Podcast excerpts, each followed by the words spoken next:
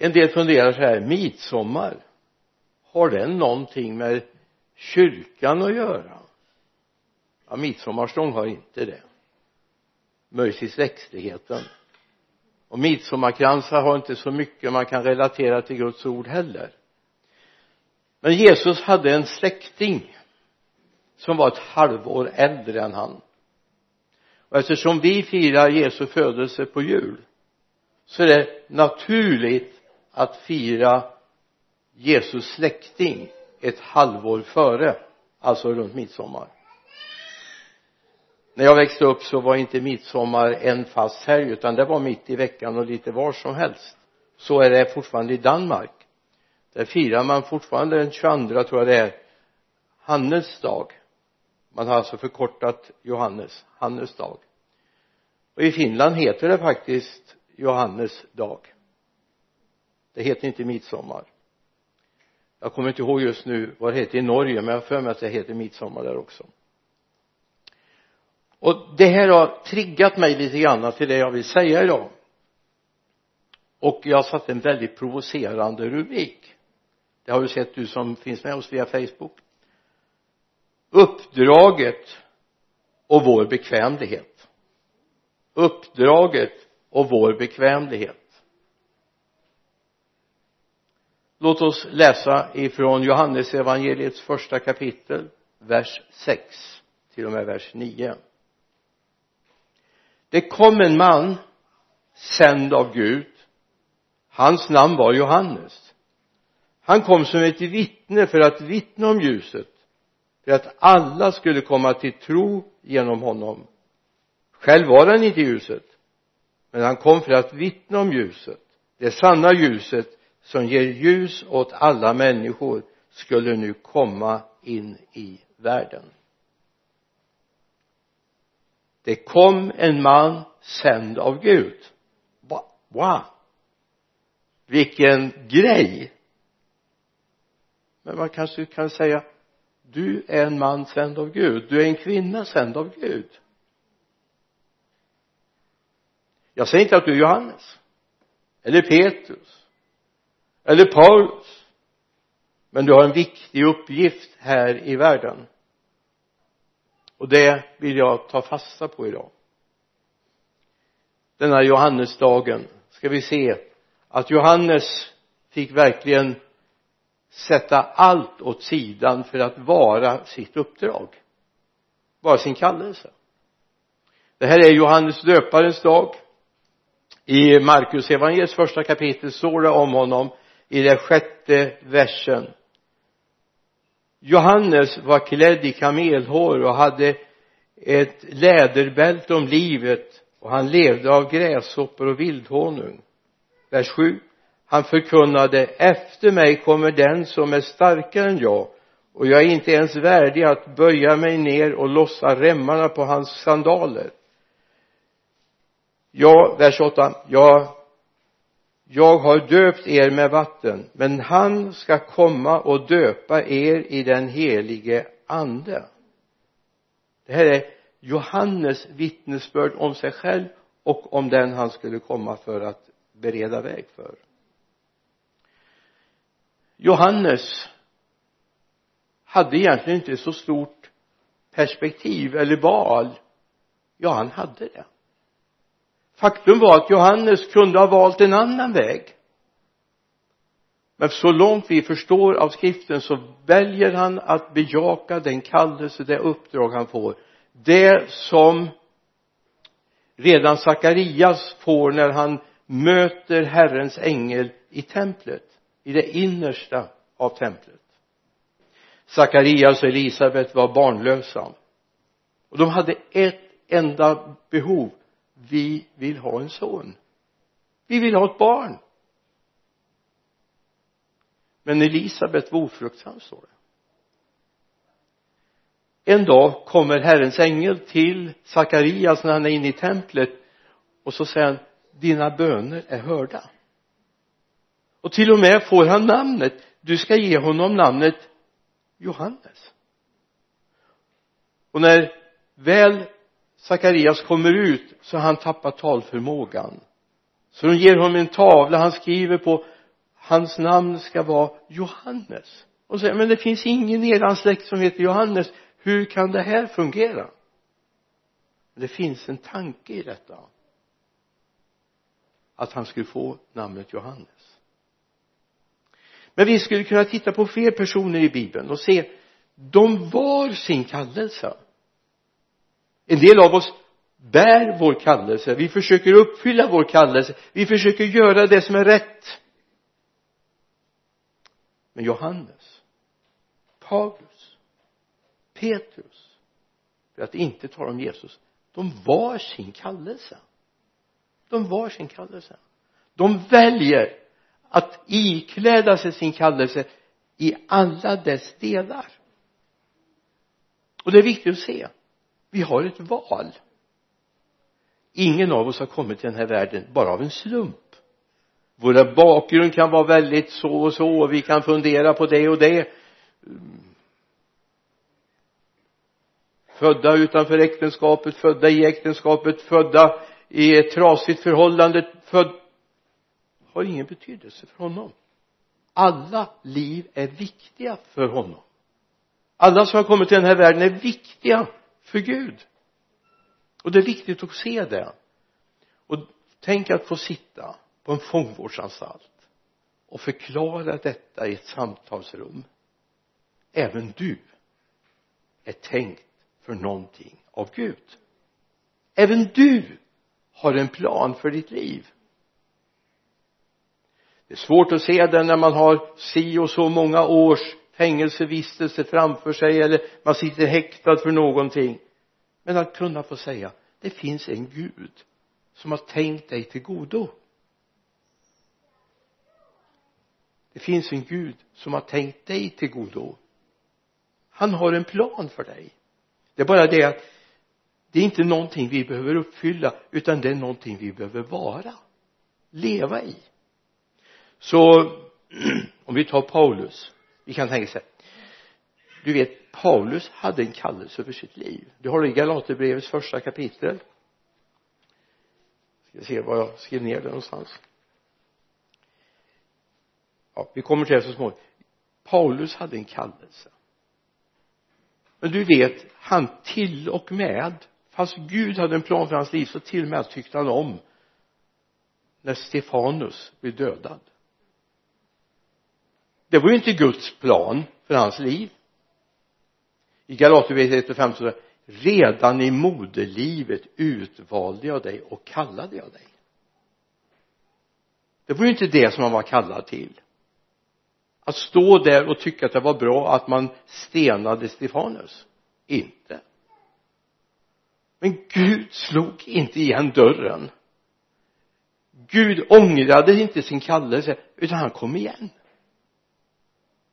lite dramatiskt där uppe på Damaskusvägen när ett ljussken kommer och Paulus mister sin syn eller Saulus som han kallas då mister sin syn. Trots att Paulus hade en kallelse så hade han misslyckats. Han hade gått sin egen väg precis som många av oss har gjort. Och ibland borde vi stanna upp och fundera Gud den där dagen jag kom fram ur moderns sköte. Vad hade du tänkt då? Vad hade du tänkt? Johannes gör inte det ja men han kunde ha blivit fiskare han kunde ha blivit timmerman han hade kunnat bli krukmakare han kunde ha blivit jordbrukare. Han hade fritt val. Ändå gick han in i kallelsen och var den Gud hade kallat honom till. Paulus gjorde det inte från början. Han kom tillbaka dit så småningom. För i första Timotebrevets första kapitel skriver han så här när han ska berätta det här för Timoteus sin andlige son. Jag tackar honom som har gjort mig, eh, gett mig kraft Kristus Jesus vår Herre för att han ansåg mig vara förtroende och tog mig i sin tjänst. Jag som förr var en hädare, förföljare, våldsman men jag mötte barmhärtighet. Därför att jag i min otro inte visste vad jag gjorde. Och så står det i vers 14 vår Herres nåd överflödade med tro och kärlek i Kristus Jesus det är ett ord att lita på och värt att ta emot av alla att Kristus Jesus kom till världen för att frälsa syndare. Och bland dem var jag den största men jag mötte barmhärtighet för att Kristus Jesus skulle, skulle få visa hela sitt tålamod först mot mig och så vidare jag mötte barmhärtighet. Och det här är viktigt att vi ser. Även om mitt liv har en helt annan kurs och jag vet att Gud har något annat i mitt liv. Men jag beslutade mig för att gå med Gud när jag var sju år. Tyvärr höll inte jag det. Det gick en annan väg. Men han visade barmhärtighet. Och jag fick komma tillbaka till honom. Och det här är Paulus han, vi vet ifrån Galaterbrevets första kapitel vers 15 att redan i moderlivet var han utvald. Ändå gick han en annan väg men han fick nåd att komma tillbaka. Så det är viktigt vi ser att Gud har en plan för oss. Och det är viktigt att se att även om jag är långt borta från den planen idag så har jag möjlighet att komma tillbaka. Johannes han går in i sin kallelse. Han är sin kallelse. Han är uppdraget. Han låter Guds kraft få gå igenom honom så han vet att jag ska peka på honom som kommer efter mig. Och redan när Johannes döparen står där vid Jordan då är första Johannes 1 och 29 så står det att när han får se honom se Guds lamm som tar bort världens synd det ser han redan trots att han inte ännu hade samtalat med honom och han hade inte döpt honom. Det kom lite senare. Se Guds lamm här gör han tecken. Alltså, att det, för dig och mig, ja men lamm det är något gulligt och fint och det, wow! Eller vad säger fårbönderna här? Det är väl fantastiskt med lamm. Men alla som hör det här vet att lammet, det ofelbara lammet var vigt för att offras för någonting. I den kulturen var det så. Eller ska vi säga den religionen var det så. Man visste att det felfria lammet var till för att se Guds lamm han ska bära bort världens synd. Och det var Johannes kallelse. Han som säger men det som sig bör. Att jag förminskas och han växer till alltså målet är inte jag målet är helheten. Och jag tror det är viktigt att vi ser det för så ofta vill vi sätta oss själva i fokus. Jag ska bli frälst för att jag ska få underbart. Var står det någonstans? Var står det? Att jag ska vara lycklig alla dagar? Jag är jättelycklig idag men jag har inte varit lycklig alla dagar. Men jag är väldigt glad för att jag har en frälsare att gå till. Jag har en som tar hand om mig, bär mig och ser mig oavsett var jag är någonstans. Och det är jag är oerhört tacksam för. Paulus berättar sitt, jag brukar säga Paulus CV alla som söker jobb de vet vad ett CV är till för, eller hur? Jag har inte behövt skriva så många CVn jag har inte så ofta bytt jobb. Så jag, jag kan inte den grejen att skriva CVn och vi går till andra Korinthierbrevets elfte kapitel vers 25 till exempel. Tre gånger har jag blivit piskad med spö. En gång har jag blivit stenad. Tre gånger har jag lidit skeppsbrott. Ett helt dygn har jag drivit på öppet hav. Jag har ofta varit på resor i faror på floder faror bland rövare faror från landsmän faror från hedningar faror i städer och i öknar och på hav. Faror bland falska bröder. Allt under möda och slit. Det är liksom hans CV för att jag sa ja och tog kallelsen på allvar bort på Damaskus säger så får jag lida någonting. Men varför då? Evangeliet ska bli predikat. Evangeliet ska bli predikat. Och det är viktigt att det den sidan finns. Där han är värd så mycket. Han är värd så mycket. Det är så fantastiskt. Att få vara med honom, tjäna honom, leva med honom. Så det är värt någonting. Det är värt att låta mitt liv bli min kallelse. Eller min kallelse bli mitt liv. Paulus säger nu lever inte längre jag utan Kristus lever i mig. Vem lever i dig? Jag tror det är viktigt att vi börjar ställa den frågan därför den här världen behöver ett hel, en hel mänsklighet. I Filipperbrevet 29 kan läsa det? Nu har ju ni har ju fått nåden att inte bara tro på Kristus utan också att lida för hans namns skull. Oj vi har fått nåden inte bara tro vi har fått nåden att lida också för hans namns skull det är ju inte det jag precis ber om. Nej. Det är inte det första på min bönelista att nu ska jag få lida för hans namns skull. Men jag får med det i bagaget. Och Paulus tackar Gud för det. När tackade du Gud för lidande sist? Ja det är inte så ofta, eller hur? Men det är viktigt att vi ser det här det finns ett perspektiv till en dimension till i det kristna livet. Uppdraget är värt allt. Till och med min bekvämlighet.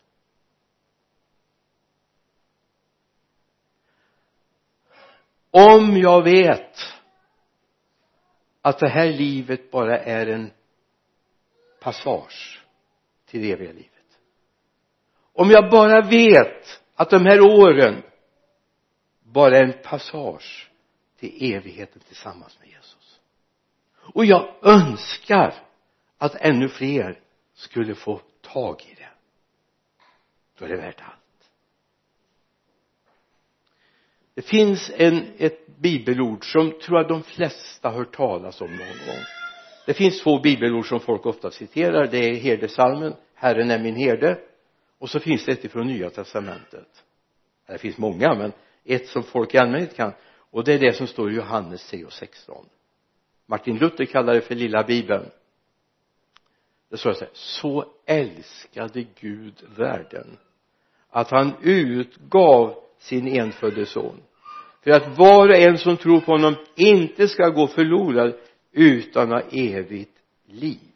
Gud har inte sänt sin son till världen för att döma världen utan för att världen ska bli frälst genom honom. Så älskade Gud världen. Och hur mycket av hans kärlek har uppfyllt ditt hjärta för den värld där vi finns för de människor vi möter? Det är fantastiskt att leva det är helt fantastiskt.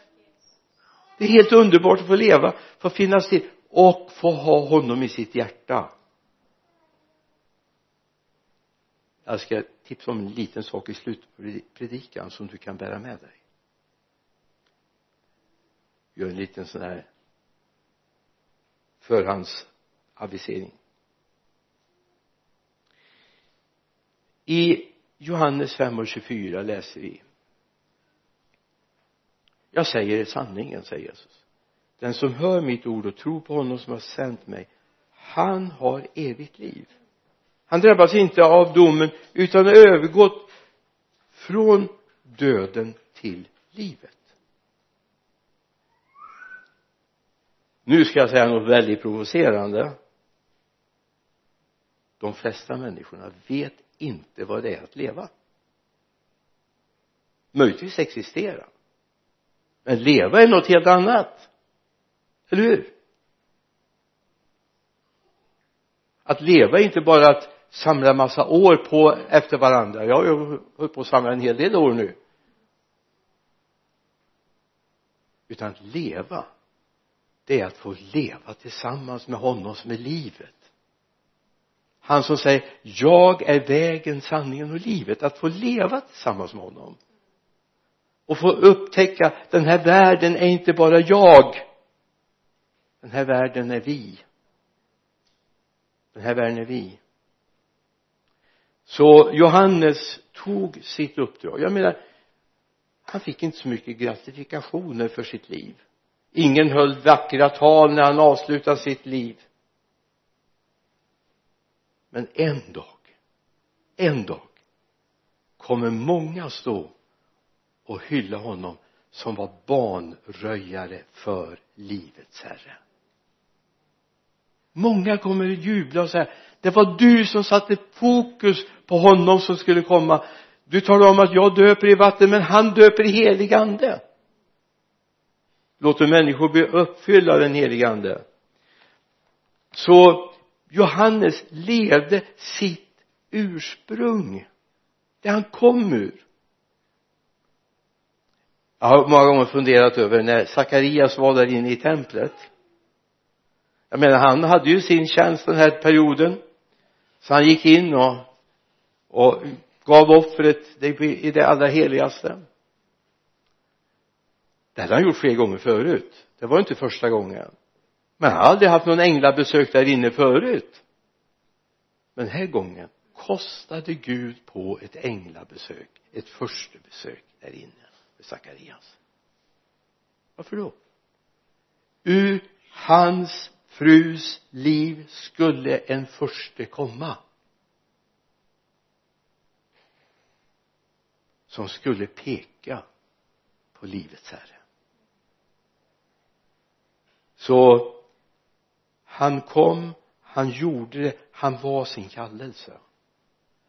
Jag tror inte han satt och funderade på ja men jag skulle ju vilja uppleva det och jag skulle vara med om det och jag skulle bli, vilja bli rik och bygga hus och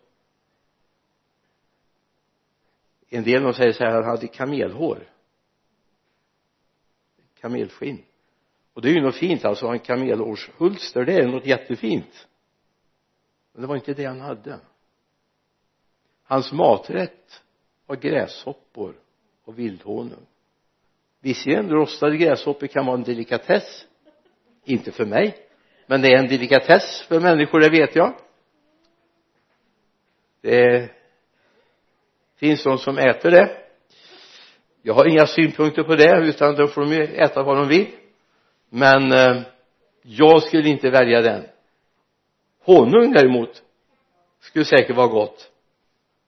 Vildhonung till och med han hade inte högre pretensioner än så. Han var inte så mycket jag och mitt och det våra utan människornas ve och väl. Det var det som drev honom. Att människorna skulle få tag i honom som döper helig ande som ger liv. Så midsommar har för mig blivit under några år nu det är den där helgen då jag förstår att jag avstår själv. För andras skull. Det är viktigt att vi får tag i det. Så att det inte bara är mitt och det våra och rik och stort bankkonto och bra lön och bra pension. Jag vet inte egentligen det här med pension för jag har inte liksom kommit riktigt till den. Jag ska väl mogna så småningom och bli gammal nog att få pension förmodar jag. Men det handlar om hur många av dem du har mött ska vara med och fira himlen. Hur många av dina grannar, dina arbetskamrater, dina vänner, dina, din familj ska vara med och fira himlen en dag? Det är bättre än stor pension. En dag i evigheternas rike ska människor vara med. Därför att du sa ett ord om Jesus. Därför att du berättade om Jesus. Det är därför vi är ute nu på från och med nästa söndag i Skräckland. Vi är där för att berätta för människor. Det finns en väg till. Det finns någonting mer som den här världen inte bjuder på. Bankkonton kan vi få här i den här världen. Men du vet den dagen livet avslutas då är det inte så mycket med bankkontot? Fanns en man i Örebro. Det är officiellt nu som man får berätta det. Och det är många år sedan. Han heter Johan Bern. Om ni har hört talas om i Örebro så finns det Berns arena. Och eh, när han cyklade runt i Örebro jag mötte honom på 60-talet så hade han den rostigaste cykeln som alla kunde tänka sig det knirkade rätt rejält när han trampade fram genom stan. Bodde i en liten liten trång lägenhet. Var mycket speciell. Men det visade sig den dagen när man gjorde bokslut efter hans liv gjorde bouppteckning. Han var Örebros rikaste man. Ni som varit i Örebro ni vet det finns ett stort kvarter som heter Krämaren hela det området ägde han och flera stora områden. Bankkontona var överfulla men han kostade inte på sig en ny cykel. Han kostade inte på sig en ny säng. Vad hjälpte det honom? Vad hjälper honom? Jag kommer inte ha jag äger inte något stort kvarter som krämaren äger egentligen ingenting så.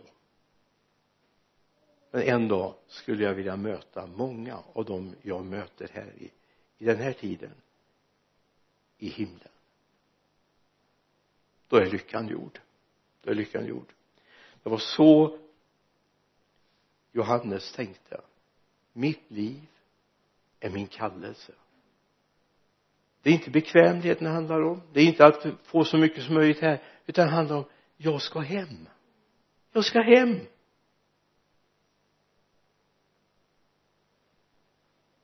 Jag har nog berättat det förut men jag hade en lekkamrat när jag var i fem sex års åldern. Det skilde bara ett eh, sånt här jag vet inte vad de heter ett nätstaket emellan våra boenden eller de bodde i ett större hus och vi bodde i ett mindre hus vi åkte skidor och vi skulle bli Mora-Nisse och vad hon nu skulle bli. Hon hette Eva i alla fall den här tjejen. Eh, och jag var väldigt blyg och är väldigt blyg egentligen. Jag bara låtsas inte om det. Så tänkte jag så här att hon får komma hem och leka hos mig. Så vi fick inte gå ut för det var en tungt trafikerad väg utanför så vi fick inte gå fast det fanns bara en trottoar emellan. Men min pappa tyckte att det var tunga timmerbilar som gick där upp till fabriken där vi bodde. Så han gjorde ett hål i staketet så vi kunde krypa emellan till varandra. En dag sa hon ja men nu måste du följa med hem. Mamma har gjort i ordning vad det var något bakverk. Så du måste hem och smaka det. Jag sa jag vågar inte jo men du måste sa hon. Och eftersom jag var lite svag för det där med bakverk så följde jag med. Och så kom jag till ett hus. Vi hade ett litet hus små små rum. Litet badrum. De hade åtta rum. Bodde fyra personer i. Och så hade de ett representationsrum. Alltså det var ju som ett hav med fina rokoko alltså jag fattade ju inte att det var rokoko då men det har jag lärt mig sen då av rokokomöbler. Och sen tänkte jag det här var ju nästan som att komma till himlen. Nästan. Jag förstod ju att himlen var ännu mer. Och så här är det vi lever i det här och tycker det är väldigt bra här. Men Gud har förberett någonting för oss. Gud har förberett för varje människa. Varenda människa som har kommit till den här världen är tänkt för någonting mer tänk för någonting mer. Och jag har bara en bön i mitt hjärta. Du som finns här eller du som finns med oss via skärmen. Jag bara önskar att du ska få tag i Gud har tänkt någonting gott för dig. Han vill att du ska få uppleva mer och se vad han har beredskap. Lyssna. Om du tänker dig ett pussel på 5000 bitar har du försökt att knepa ihop ett sånt pussel någon gång? Jag tror inte heller jag har gjort det. Jag håller mig till barnpusslen på 10-12 bitar. Det är lagom för mig. Jag har inte tålamod att hålla på så länge. Eller också tappar jag bort någon pusselbit och då blir det ändå inte fullbordat men tänk dig ett sånt pussel. Du är en bit. I en helhet. Du är en bit en helhet. Om du kommer på plats om du gör din kallelse så fyller du ut det här pusslet. Visst den här lilla biten kan vara fantastiskt fin. Den är hel den är alla färger som ska finnas där på den platsen finns där. Men du ser inte bilden. Därför är det så viktigt att vi ser bilden tillsammans i Guds församling vi är lemmar som är till för varandra står det i Romarbrevet 12 kapitel vers 5 vi är lemmar som är till för varandra. Du är till för en helhet. Varför då? För att helheten skulle kunna bli fullbordad. Det är precis som ett fotbollslag. En spelare gör inte laget. Det behövs allihop. Det räcker inte att ha en jätteduktig målvakt det blir inga mål gjorda åt andra hållet och man kan faktiskt inte vinna utan att göra mål. Det, så långt förstår jag när det gäller det här med idrott. 0-0 vinner man inte på. Fotboll har inte varit min grej. Handboll däremot. Jag tycker man gjorde mer mål då. Men det är viktigt att se helheten för att den här världen ska förändras så behövs helheten. Hela bilden. Du är en liten bit. Du återspeglar himlens härlighet i den lilla biten. Men sätter du in dig i helheten så får man hela bilden. Johannes lät sig sättas in i helheten. Paulus lät sig sättas in i helheten. Petrus lät sig sättas in i helheten. Filippus lät sig sättas in i helheten. Vi kan ta gamla testamentets gestalter också. De lät sig sättas in i helheten. Göra sitt. Den här världen behöver uppleva honom. Så välkomna med att visa på honom som kan göra allt. Du är en bit i ett pussel men du måste våga vilja vara den biten. Jag vet inte om någon pusselbit slipar till sin egen lilla bit. Men jag vill inte ha de där grejerna. Jag menar jag vill vara fyrkantig jag vill vara rund jag vill vara tjockare än alla andra. Visst. Men då passar du inte in i bilden. Det är viktigt att se helheten. Johannes var en del i en helhet. Jesus fullbordade allt. Så välkomna med i på resan mot en helhet där världen ska få se vem Jesus är. Amen. Vi ska be tillsammans. Himmelske far vi bara tackar dig för att du vill hjälpa oss att se helheten i det vi är Jesus. I dem vi är. Herre hjälp oss att vi inte bara ser på all annan allt annat fader och att vi vill förverkliga oss själva utan vi vill förverkliga din kallelse. Vi ber om det i Jesu namn. Amen.